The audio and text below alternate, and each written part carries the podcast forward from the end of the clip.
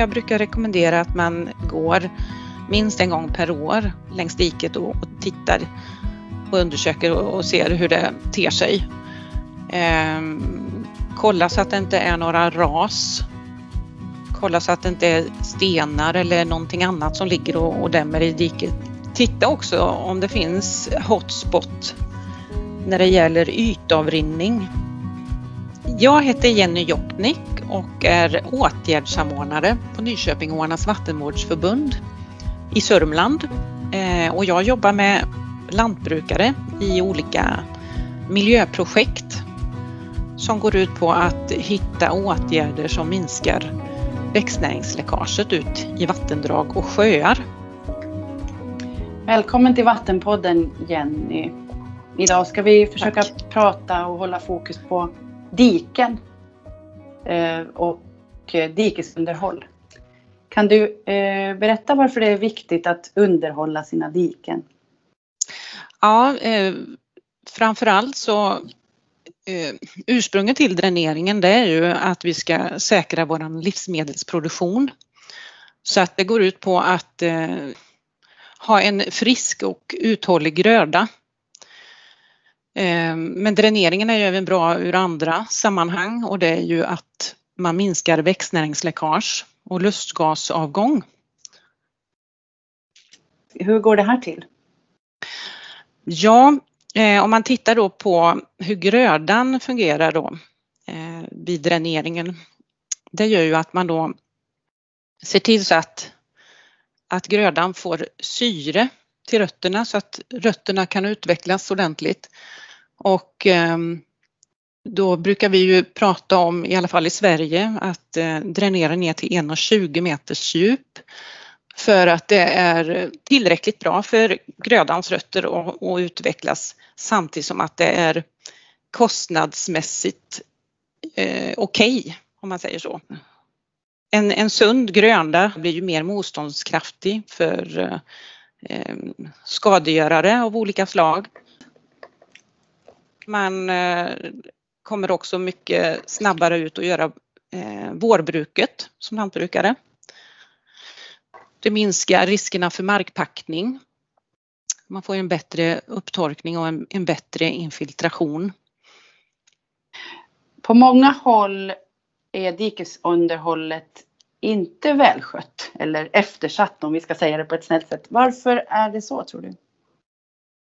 Ja, eh, jag kan tänka mig att det kan ta det kan ta en stund innan man märker av de här problemen. När man upptäcker dem så är det oftast för sent. Man skulle ha satt igång mycket tidigare och, och gjort någonting åt dräneringen. Och eh, vi har ju faktiskt exempel på här i Sverige så vissa diken kanske inte har underhållits på 30 år. Och när det har gått så lång tid så sker det ju ofta generationsskiften och, och det är då de här gamla kunskaperna försvinner om dikets funktion och nytta. Så att, eh, ja. Det, det, det, går för lång tid helt enkelt. Det har eh, gjorts en enkät i Sverige bland jordbrukare om just dikesunderhåll. Kan du berätta om vad för resultat som kom ut av den? Ja, det var LRF som sammanställde en enkätundersökning under 2017 och det var 1200 lantbrukare som svarade på den. Eh, och då var frågan eh, att många diken underhålls inte tillräckligt och vad tror du att det beror på? Och då svarade 44 procent det blir bara inte gjort. Och 27 procent svarade att de är rädda för att bryta mot någon miljöregel och 22 procent tror att inte grannarna vill vara med och dela på kostnaderna. Och sen resterande hade lite olika anledningar en del hade inte råd och de tyckte inte det var lönsamt. Att det var kort arrendetid så att det kändes inte som deras ansvar. Ja, och så vidare. Men jag kastar in en, en liten fråga kring det här då. Vad, vad tror du, hur, hur kan man rätta till det här? Jag tror att eh, det är viktigt att ha eh, informera, alltså från, från myndigheter eller rådgivningsföretag, att man liksom pratar om frågorna Att man upplyser om skyldigheter och rättigheter och hur man liksom kan samarbeta kring de här frågorna. Och vi har ju gjort en ganska stor satsning i Sverige. Jordbruksverket har arrangerat studiecirklar där man utbildar lantbrukare ofta inom markavvattningsföretag. Hur man ska mm. tänka och hur man ska göra eh, kopplat till det juridiska. Tips och råd på hur man kan göra i olika sammanhang. När man anlitar entreprenörer och vad man ska tänka på då när det gäller avtal. Eh, vad man ska tänka på miljömässigt när man sköter diken och så vidare. Mm. Eh, hur gör man för att undersöka sina diken? Ja, nej men jag brukar rekommendera att man går minst en gång per år längs diket och, och tittar och undersöker och, och, ser hur det ter sig. Ehm, kolla så att det inte är några ras. Kolla så att det inte är stenar eller någonting annat som ligger och, och dämmer i diket. Det kan ju vara grenar, eh, bäverdämmen. Jag vet inte om ni har problem med, men det har vi ju ganska mycket i, i Sverige. Mm. Och ehm, titta också om det finns hotspot när det gäller ytavrinning. På vissa låglänta ställen så kan det svämma och det kan även komma via nederbörd och, och dra med sig jordpartiklar ner i diket och då lämnar det eh, sedimentbankar då, lite nedströms. Och då kan man ju fundera på vad man kan göra på de ställena för att förhindra den här yterosionen. Eh, men då vet man också att, att det är där som man kanske behöver göra ett, en extra insats när det gäller underhållet. Då. Mm. När ska man undersöka dikena? När på året? Ja, jag kan tycka att det är bra att kolla när det är höga flöden för då ser man ju verkligen problemen. Då ser man om det står vatten någonstans och eh, det skadar ju inte heller då att ta sig en titt på grödan, hur den mår. Ehm, om det verkar vattensjukt, om den håller på och, och eh, ja, att den inte utvecklas ordentligt. Att, att man kan få en känsla av att det står och trycker upp vatten underifrån. Att grundvattennivån är för hög helt enkelt för att det är så himla fullt i diket utav sediment och, och växtlighet. Vad är det man behöver tänka på när man börjar planera underhåll av dikena? Ja, men jag tänker det. Eh, gå över och titta allting. Titta på allting, alla öppna diken. Eh, titta även kantdiken runt skiftena. Kantdikena har ju en avskärande funktion utav ytvatten som kommer på lite högre liggande mark eh, fungerar de. De är oerhört viktiga. Ehm, annars så kom, svämmar det ut vatten över åkern och det blir ytavrinning och ja, dant. Eh, och sen så tittar man på de större öppna dikena och sen kontrollerar man om täckdikesögonen fungerar. Kommer det vatten ur dem? Rinner det på bra? Gör det inte det, då kan man ju misstänka att det kanske har samlats något sediment eller gått sönder på något ställe. Och då får man fundera på hur man ska åtgärda det. Eh, vad, vad, eh, ska man tänka på när det kommer till lutning på ett dike? Hur ska sidorna luta? Ja, alltså ett vanligt standardmått i Sverige det är ju 1 till en och en halv lutning. Eh, men det där är ju väldigt mycket kopplat till jordart också. Om det är lösare jordar så ska det ju vara eh, mer flakt, kanske 1 till 2. Och sen så finns det ju även stabilare jordar och då, då kan det ju vara eh, ja, lite brantare slänter. Mm. Hur är det med bottnar i dikena? Vad, vad, behöver man fundera på där? Om botten i själva diket är hård eller lös eller hur fungerar det då? Och du tänker då på ett, eh, vid ett underhåll eller? Ja. Ja. Ja men det är viktigt eh, när man gör underhållet att man tar hänsyn till de hårda bottnarna för det är ju då dikets ursprungliga utseende. Eh, och det ska man ju egentligen tänka på alltid, att man ska försöka hålla dikets ursprungliga utseende vad det gäller släntlutningar och de hårda bottnarna. De hårda bottnarna är viktiga livsmiljöer för eh, fisk bland annat och andra bottenfauna. Eh, och i Sverige är det inte tillåtet att gräva bort de här, för då är man ju nere på djupare nivåer och då räknas det som ny markavvattning. Och för det krävs det tillstånd och eh, på vissa ställen behöver man också även dispens från eh, markavvattningsförbudet. Mm.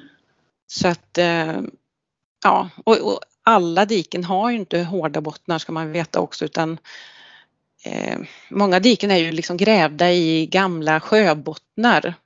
Det är ju Östersjön då som har eh, ja, har ju mm. varit där en gång i tiden och de är ju ganska mjuka och eh, ja, som gyttjejord.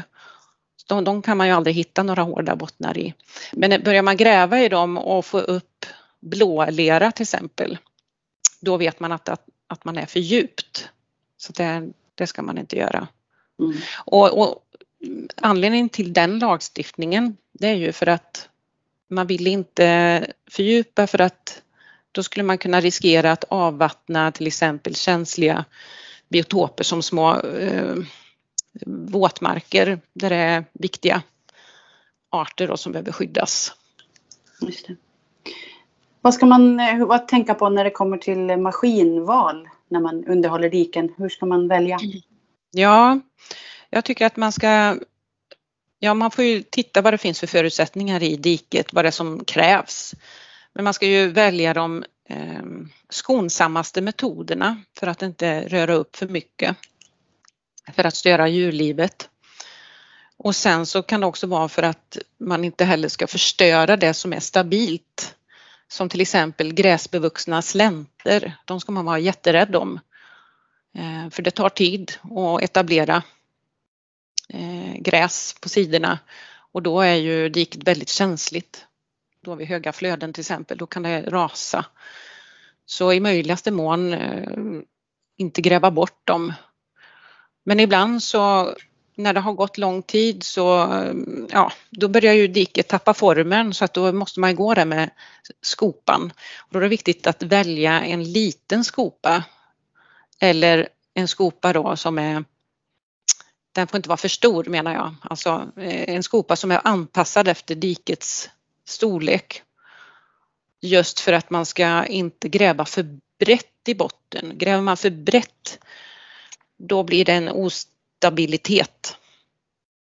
Så då kan slänterna rasa.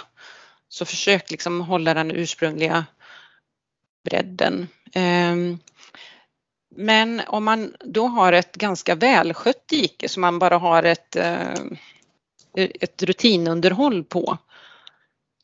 Ett dike som inte har sten eller buskar, alltså stubbar och, och, och grejer.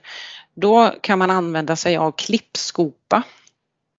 Och det, det är nog det mest skonsamma verktyget vi har. Och det är ju knivar som går fram och tillbaka och klipper av gräset och så fångar skopan upp den och så lägger man det eh, på åkermarken då. Eh, och eh, det gör ju att man inte behöver röra botten utan den tar ju bara växtligheten. Och den metoden kan man ju använda då vartannat, vart tredje år. Och sen eh, kanske man kan använda en skopa, plocka upp sediment däremellan då kanske ja, var femte, var sjätte, var sjunde år Mm. Beroende på då, lite om, Lite om det... varsamhet helt enkelt när det kommer till maskinval. Ja, och så det, är, mm. alltså behovet ser ju väldigt olika ut på olika platser. Det beror precis på hur stort diket är, hur mycket flöden som kommer och vad det är för jordarter. Mm. Så att det, det, är många faktorer som påverkar. Man får lära känna sitt dike helt enkelt. Om man då ska ha lärt känna sitt dike tänkte jag, men, men vilken årstid gör man underhållet? Jag tänker att du pratar om att man går och undersöker diket när det är höga flöden. Men när ska själva underhållet sen göras? Ja, eh, det det, det lämpligaste är ju att göra det under torrperiod när det inte är så mycket vatten i diket. För det gör ju att grumlingen eh, minskas. Eh, och oftast de här torrperioderna är ju också efter att djurlivet har lugnat ner sig, de har fått sina ungar och allt det här. Ehm, så att även ur djursynpunkt så är det bra att göra det under torrperiod och det är ju oftast då i ja, juli, augusti. Mm. Men sen är det ju också att vissa fiskarter eh, påverkas negativt av detta så att eh, då kanske det är bättre att göra det i december till februari. Men nu har vi ju väldigt blöta vintrar nu för tiden så att ehm, det där kan vara lite lurigt. Man behöver i alla fall fundera kring när man gör det helt ja. enkelt beroende på vad för djur som... Andra arter, jag menar, du pratar lite grann om djur och fiskar. Eh, det finns ju växter och så här. Hur ska man tänka med skyddsvärda arter och dikesunderhåll? Ja, eh, i Sverige så är det ju verksamhetsutövarens ansvar att ta reda på vad det är för arter som man behöver skydda kring sitt dike. Och då ska man ju fundera på vilken tidpunkt som det är lämpligt att utföra åtgärden för att inte skada den här arten. Och det kan man ju få hjälp och tips med när man pratar med Länsstyrelsen. Mm.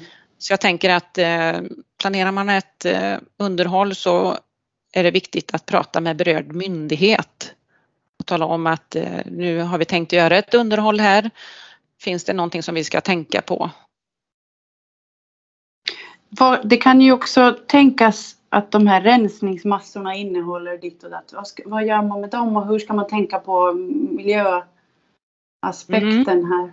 Ja, eh, rensmassorna de vill man ju inte köra för långt för det är väldigt kostsamt så att det bästa är att eh, planera ut dem på närliggande låglänt åkermark.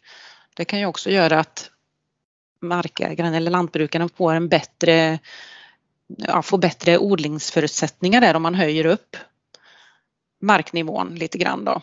Mm. För det kanske är ett eh, fuktigt område som inte, där, där grödan inte trivs så bra. Då kan man ju förbättra det. Eh, så att man vill ju inte köra massor längre bort än 500 meter för det, då blir det alldeles för kostsamt. Så är det. Mm. Mm. Och sen eh, när det gäller eh, vissa, i alla fall här i, i Sverige så eh, om man vet med sig att det har funnits någon miljöfarlig verksamhet, det kan ha, ha varit förr i tiden att det är en verksamhet som inte längre finns kvar och det kan även vara någon befintlig verksamhet så kan det ju finnas risker att det ligger gifter i sedimenten. Och känner man till att det har varit så då, då ska man ju också ta kontakt med berörd myndighet för att höra vad, vad man ska göra av de här rensmassorna. För de är inte så kul att få ut på åken heller. Nej, precis. Ja, så hur ser det här perfekta diket ut? Eh, är det ett tvåstegsdike som är bäst eller vad, vad funkar bäst? Ja, men studier har ju visat att eh, tvåstegsdikena är ju en väldigt känslig metod. Eh, vi har ju anlagt några i Sverige men 50 procent av dem är förstörda. De, de har eh, spolats bort de här eh, terrasserna då. Ett tvåstegsdike är ju en, ett breddat dike kan man säga där man har skapat en, en terrass som är ett tvåsteg. Eh, och tanken med den här terrassen det är ju då att vid högflöden så ska vattnet svämma lite försiktigt ovanför dem. Och så ska det då eh, fastna lite fosforpartiklar där innan det far iväg ut. Ehm, men eh, som sagt var, det, det är, kräver ju mycket av jordarten. Det här funkar ju inte på vilka jordarter som helst. Inga lösa jordar. Det, det, det behöver vara lite mer stabilt. Eh, och man måste dimensionera så att det inte fluktuerar allt för mycket så att det blir stora flöden ovanför de här terrasserna. För det är då det drar med sig och spolar bort dem. Och det kan ju vara svårt i vissa diken för att det kan ju fluktuera väldigt mycket på vissa ställen. Så att ja, eh, här måste man räkna noggrant. Så hur gör man istället? Ja, eh, när jag har varit ute och jobbat i projekt med lantbrukare så har vi valt eh, att göra en avfasning eller en avsläntning utav dikeskanten. Så att istället för att ha den här eh, 1 till 1,5 lutningen så har vi gjort 1 till 2 och ibland 1 till 3 lutning. Och det har varit väldigt bra. Och det såg vi här nu för några veckor sedan. Då kom det ja, nästan 80 millimeter regn på bara några dagar. Och det gick fullt i, i eh, en eh, sträcka sträcka och då hade vi fasat av en sträcka på 3200 meter och det gick ända upp till bredden.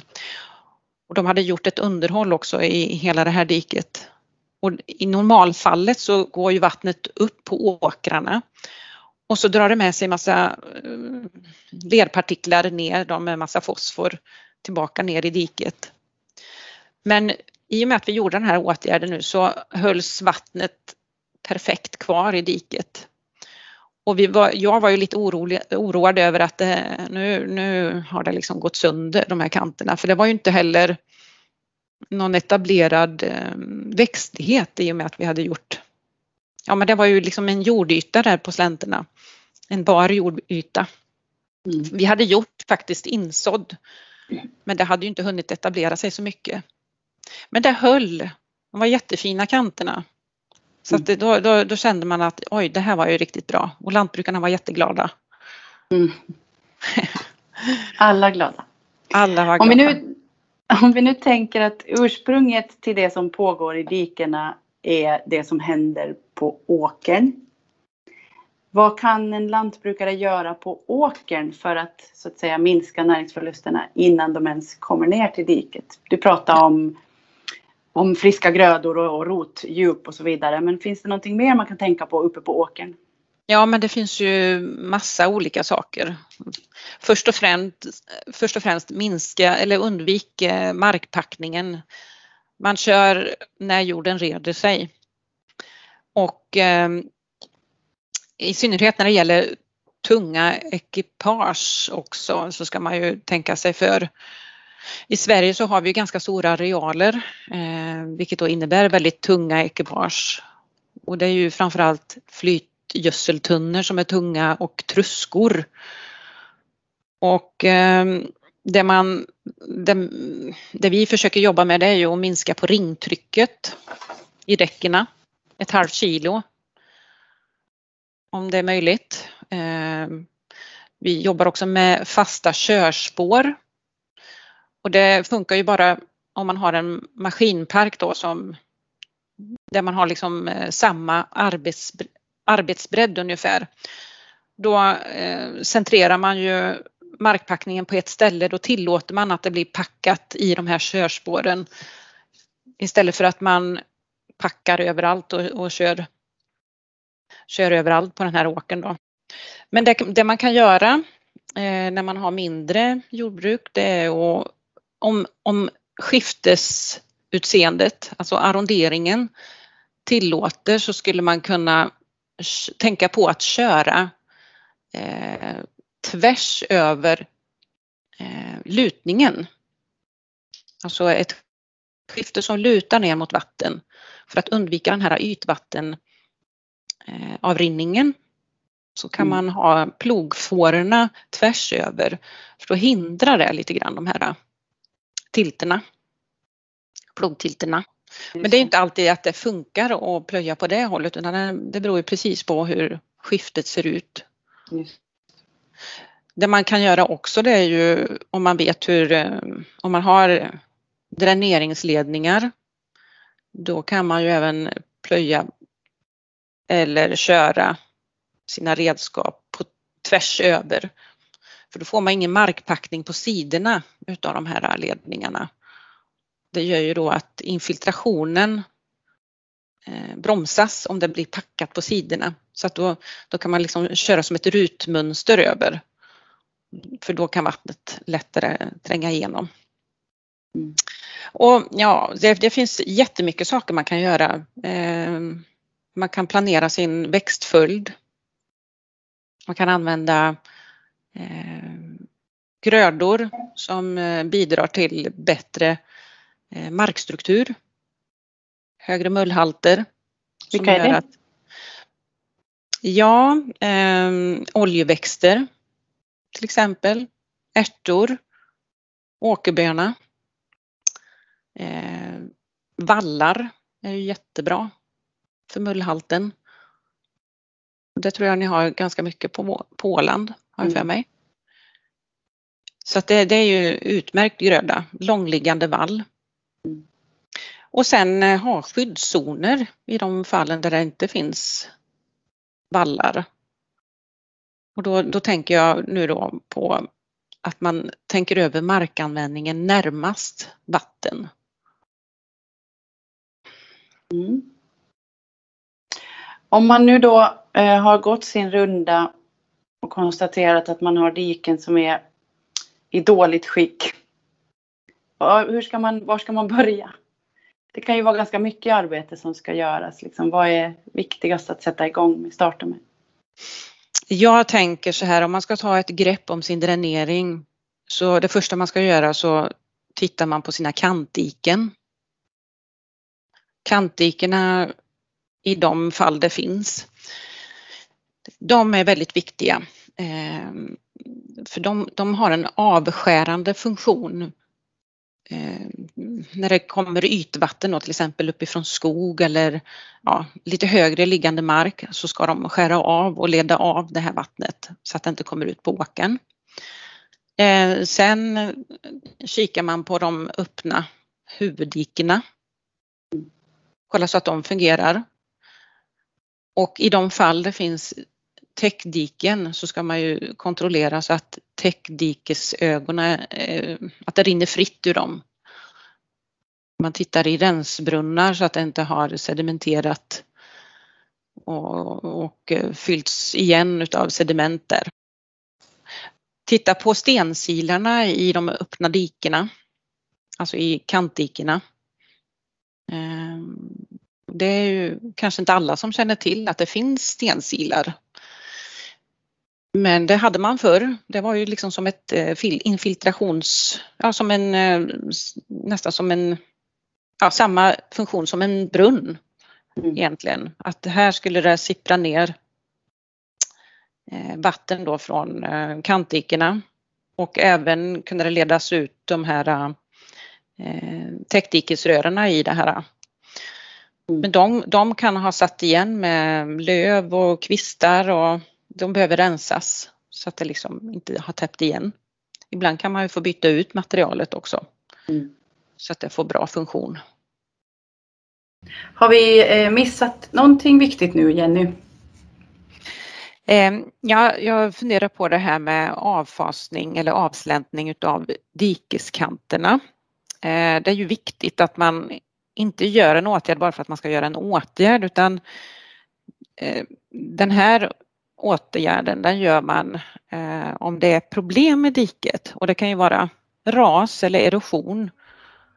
Så att eh, har man fungerande dikeslänter så ska man låta dem vara. Just för att det här växttäcket är så viktigt. Det stabiliserar. Så, inga åtgärder i onödan alltså? Nej, inga åtgärder i onödan. Mm.